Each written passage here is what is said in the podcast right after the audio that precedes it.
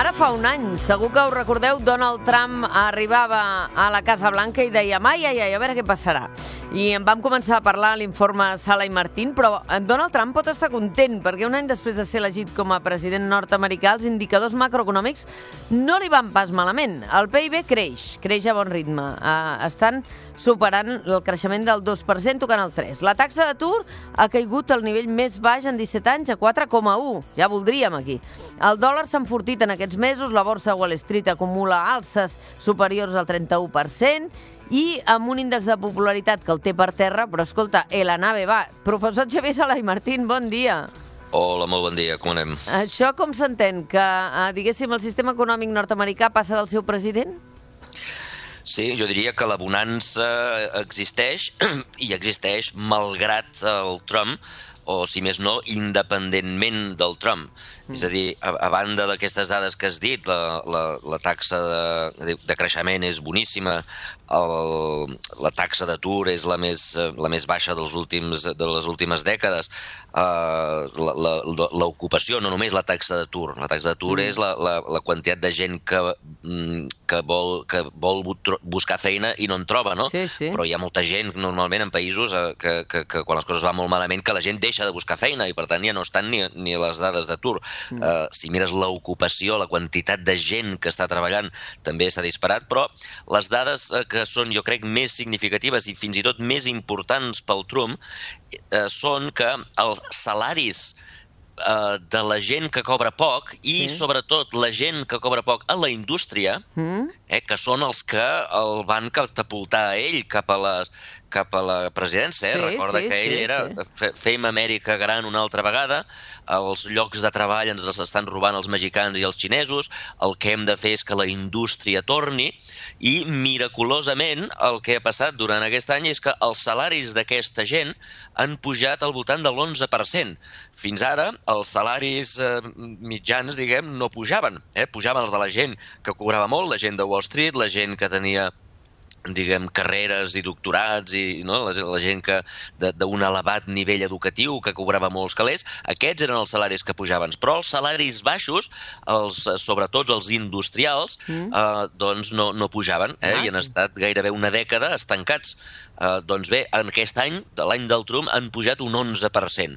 Eh, I a banda d'això, també ho has mencionat, la borsa. La borsa està, diguem, eh, feliç, ha pujat un 30% amb el, durant l'any aquest del, del, del, del, del Donald Trump, no?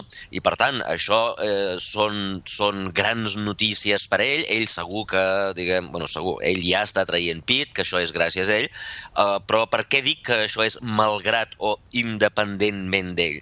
Doncs perquè si tu mires les polítiques econòmiques que haguessin pogut fer que això passés, o mires les polítiques econòmiques que ell va prometre que faria, no n'ha fet mm. ni una. Clar, la baixada d'impostos, per exemple, que jo recordo que ho comentàvem amb tu, que era una de les grans promeses estrella eh, de Donald Trump. Aquesta rebaixa fiscal, de moment no ha arribat. Està al Congrés allà empantanegada, però no sembla pas que, que, que hagi de progressar, no? Cap, cap de les reformes que ha fet, ara, ara parlarem de diferents reformes, eh, però cap de les reformes que ha fet les ha pogut fer i la raó és la mateixa que, que parlàvem fa un any. Recorda mm. que fa un any et deia, eh, compte, eh, per què per aprovar tot aquest tipus de mesures necessites un congrés. Ah, exacte. I, eh, diguem, ell figura que és del Partit Republicà, però el Partit Republicà, diguem, no dona suport, eh, tradicionalment no dona suport a les mesures que ell està demanant. Uh mhm. -huh. eh? Um, i, I, per tant, la major part de coses que ell va proposar eh, o bé s'han ralentit o bé han estat tombades, però mm. han estat tombades pels republicans, pels seus. Eh? Mm -hmm. Uh, per exemple, uh, parlaves de la reforma fiscal. La reforma sí. fiscal està empantanegada, com dius, uh, perquè, a banda, recordeu també una cosa, eh? als Estats Units no hi ha disciplina de vot. Mm. Eh? No hi ha disciplina de vot. No és allò, dius, el PSOE diu... No és com aquí que aixequen el dit amunt i avall, no. Exacte. Allà, diguem, hi ha republicans que voten sí, republicans que voten no, és a dir, cada vegada que tu vols aprovar una cosa has de començar a tots els republicans. Que els has de eh? treballar. si, exacte, els has de començar tots, i si n'hi han dos o tres que voten que no, doncs resulta que no tens majoria, eh, malgrat que sobre el paper els republicans tenen majoria. Doncs bé, no ha aconseguit convèncer a tots els republicans de la uh, de la reforma fiscal. La reforma fiscal, bàsicament, és molt complicada, eh? és complicadíssima, 600 pàgines, uh, però bàsicament el que fa són dues coses. Una és baixar l'impost de societats, és a dir, l'impost dels beneficis de les empreses. Amb això els republicans estan tots d'acord. Eh, passar del 35%, que és elevadíssim, eh? és elevadíssim fins i tot per nivells europeus, mm. passar-ho a 20%, Uh, això sí que seria beneficiós per l'economia, això sí que seria, diguem, que podria generar el, el, el tipus de bonança que s'ha generat. No és causa d'això, perquè això encara no s'ha aprovat, però, diguem, podria, això podria contribuir.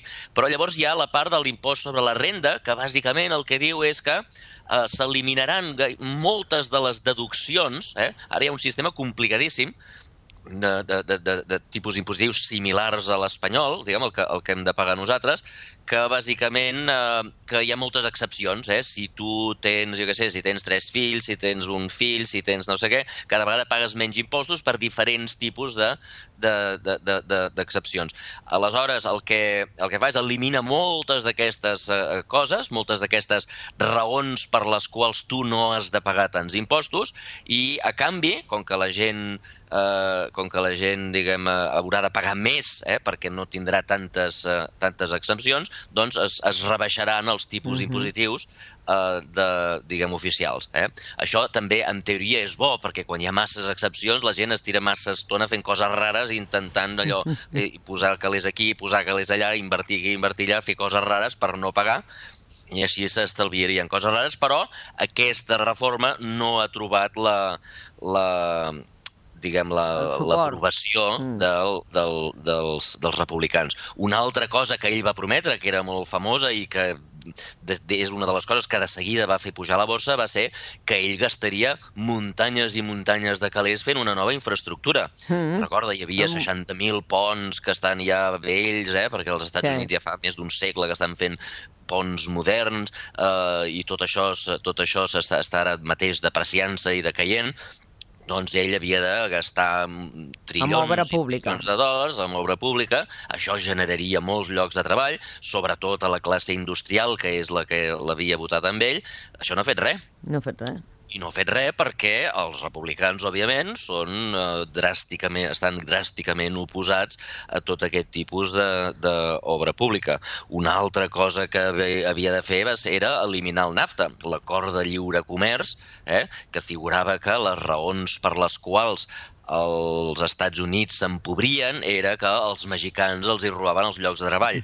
Eh? Les fàbriques d'automòbils que abans estaven a Detroit ara figura que estan a Mèxic i que qui troba, llocs, qui, qui troba feina són els mexicans i no els americans. Però això tampoc I això era ho ha culpa, fet això era culpa d'un acord que tenen ells, que seria com una mena d'acord de lliure comerç mm. del nord d'Amèrica, diguem, el, el North American Free Trade Agreement, NAFTA, és a dir, Canadà, Mèxic i, i, i els Estats Units. Això ell va dir que el primer que faria seria abolir-ho, no ho ha fet.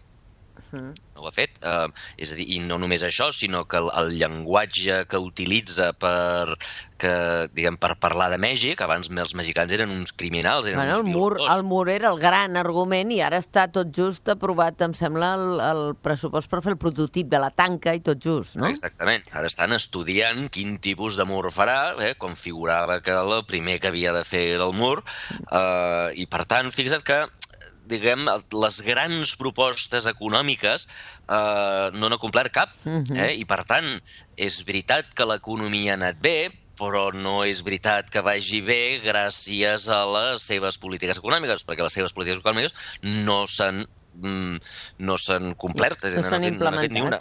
Eh? Les úniques coses que ha fet, sí. les úniques coses que ha fet eh, diguem, en aquest sentit, va ser la no aprovació d'una cosa que estava a punt de ser aprovada, que era el, un tractat similar que hi havia al del, el del, el del nord d'Amèrica, mm. entre Canadà i amb Canadà i Mèxic, n'hi havia un altre que havien de fer a l'altra banda del Pacífic eh? sí. amb les economies asiàtiques. Sí. I aquest sí, eh, aquest sí que no, no l'ha aprovat, però aquest no estava aprovat, aquest mm. s'havia d'aprovar. I l'únic que va fer va ser que no entrés en vigor. Els asiàtics l'han tirat endavant entre ells, eh? ells mm. faran un acord que no inclourà els Estats Units, però ells sí que seguiran endavant, però fixa que això tampoc té cap mena d'impacte perquè no era un acord que existís mm -hmm. i que ell l'hagi tret, sinó que simplement no existia. I finalment el que sí que ha fet l'únic eh, diguem, impacte econòmic de moment encara no en té cap és el, el que ha sortit de l'acord de, del canvi climàtic.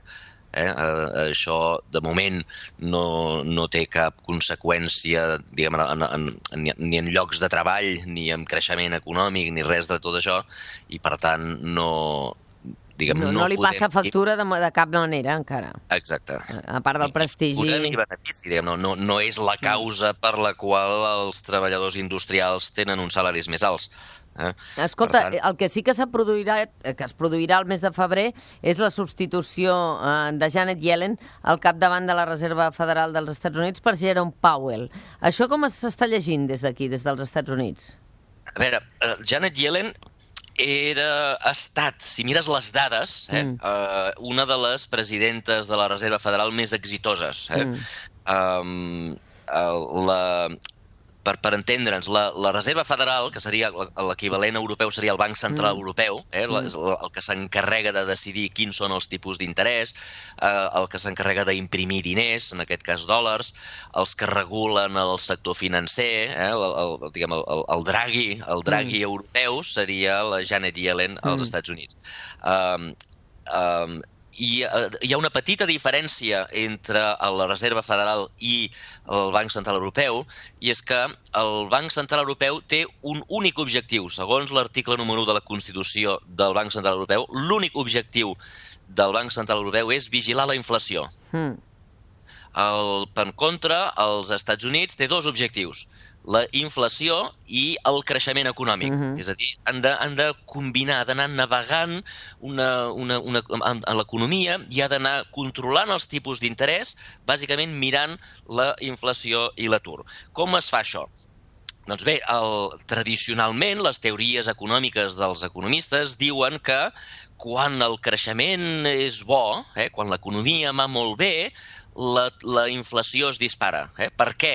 Doncs bé, quan l'economia va molt bé, eh, doncs es contracten molts treballadors. Uh -huh. Quan es contracten molts treballadors, òbviament, pugen els salaris. Quan pugen els salaris, els empresaris repercuteixen aquests salaris amb els preus i, per tant, puja la inflació. Eh? Uh -huh. L'economia va molt bé, puja la inflació. L'economia va malament, baixa la inflació.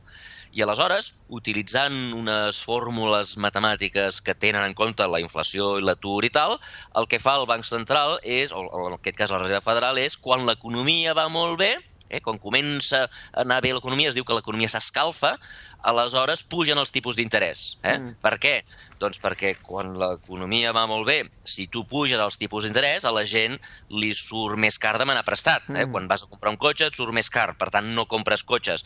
Eh, com que no compres cotxes, doncs l'empresa de cotxes, els treballadors dels cotxes no guanyen tants diners, per tant no compren peix. Per tant les mm. peixateres eh, no compren carn. Eh? I fixa't que pujant els tipus d'interès el que fa és que la demanda baixi i l'economia deixi de créixer tant mm -hmm. i per tant els preus deixin de pujar tant. Mm. Per tant, quan l'economia va molt bé, pugen tipus d'interès, quan l'economia va malament, els tipus d'interès van cap a zero.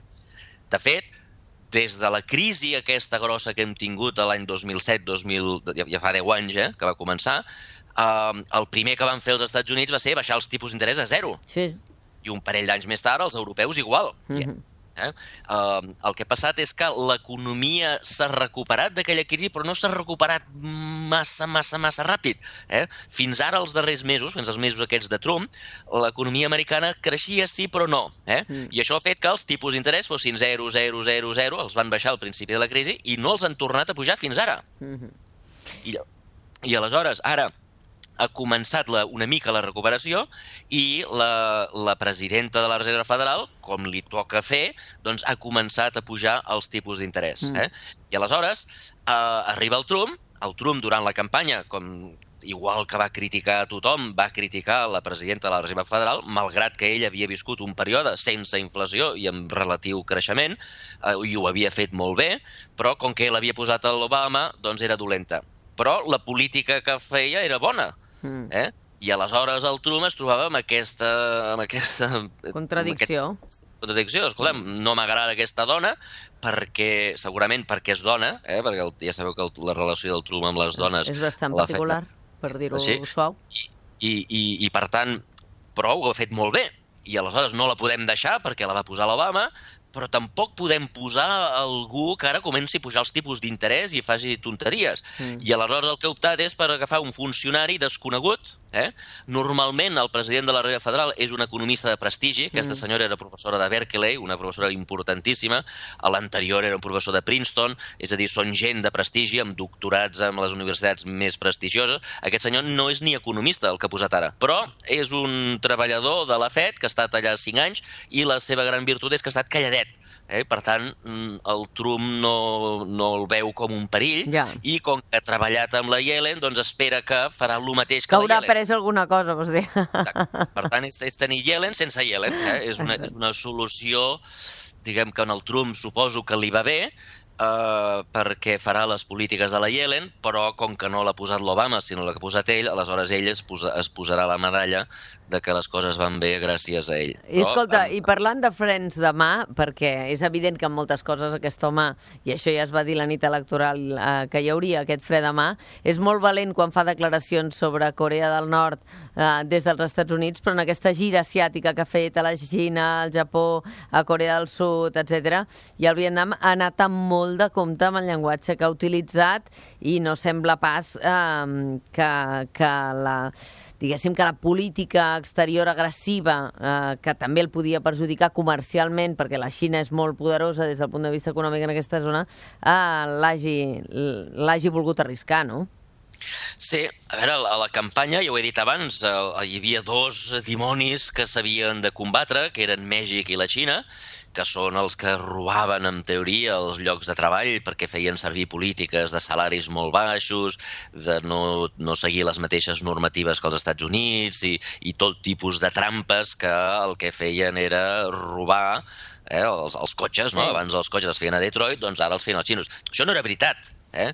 No sé si, el, si els nostres oients han vist últimament una fàbrica de cotxes, veuran que de treballadors ja no en queden masses a les fàbriques de cotxes. Ara són tots robots, sí, són uns sí. braços que es van movent amunt i avall, molt pocs treballadors, comparat, això sí, no, òbviament que hi ha treballadors, eh, però comparats amb la quantitat de treballadors que hi havia fa 30 anys o 40 anys o 100 anys, doncs, eh, diguem, qui ha, qui ha pres a tots aquests llocs de treball no són ni els mexicans ni els xinesos, sinó les tecnologies, uh mhm. -huh. eh, la robòtica. Eh, I, per tant, encara que tornessin les fàbriques a Detroit, uh mhm. -huh. eh, encara que la General Motors tornés a posar les mateixes fàbriques que tenia fa 50 anys, les posés a Detroit, doncs no hi haurien llocs de treball perquè posarien robots. Eh? Eh, per tant, si els americans volen tornar a tenir llocs de treball, han de fer altres coses, no han de fer cotxes, perquè el, el, diguem, el, el, el qui li ha pres els llocs de treball no són els xinesos ni els mexicans, són sinó els robots. els robots. Però eh, durant la campanya doncs, quedava molt bé, diran, mira, mira, els estrangers ens, ens roben els llocs de treball, els, hem, els, els farem passar pel tub, eh, ja hem explicat que en els mexicans de moment no els fan passar pel tub, no han trencat l'acord comercial que tenien amb ells, i ara la retòrica que ha fet servir a la Xina ha estat molt diferent. Eh? eh? Segurament per la raó que tu dius, eh? perquè a banda de l'economia hi ha altres aspectes de la vida que són importants, com per exemple diguem, el problema de Corea, el sí, problema sí. nuclear, i el Trump sap que per arreglar el problema nuclear de Corea necessita la Xina, i per tant no pots anar a la Xina a dir-los que són uns lladres Clar. i que a sobre t'ajudin t'ajudin a... A parar, a parar els altres. A parar. I per tant la retòrica ara ha estat molt diferent. Ja la culpa no és dels xinos, la culpa és de la globalització, sí. eh, que no és res res, és, és, diguem, no, no és cap persona, és una cosa etèria, és un concepte, i això sí, el gran culpable de que la, la globalització no funcioni als Estats Units és l'Obama. Uh mhm. -huh. eh, les polítiques nefastes de l'Obama eh, són les que eh, ens han pres els llocs de treball. Un canvi radical, un canvi de 180 graus, que ens ha donat la imatge patètica i, i contradictòria que ja vam veure a Davos el gener de l'any passat. Sí. Eh? Quan vam veure que els Estats Units, que sempre han sigut el país que ha defensat el lliure comerç, eh, que la relació, les relacions comercials entre els pobles és el que ens enriqueix a tots, això és la, la retòrica que ha tingut sempre els Estats Units, doncs de sobte els Estats Units eren els proteccionistes i el qui s'erigeix en el defensor del lliure comerç és la gran dictadura de la Xina.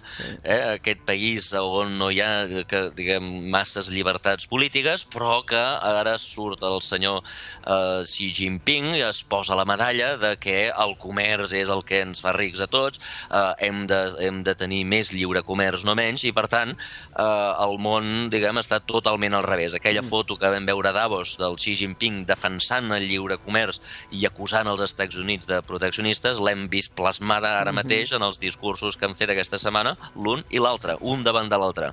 El proteccionista és l'americà, el lliure canvista és el xinès. El Ai. món al revés, gràcies al senyor de color taronja. Doncs mira, sempre, sempre està bé que la vida ens sorprengui una mica i serà per sorpreses. Xavier Salamartín, moltíssimes gràcies, una abraçada ben, ben forta i gaudeix eh, dels Estats Units.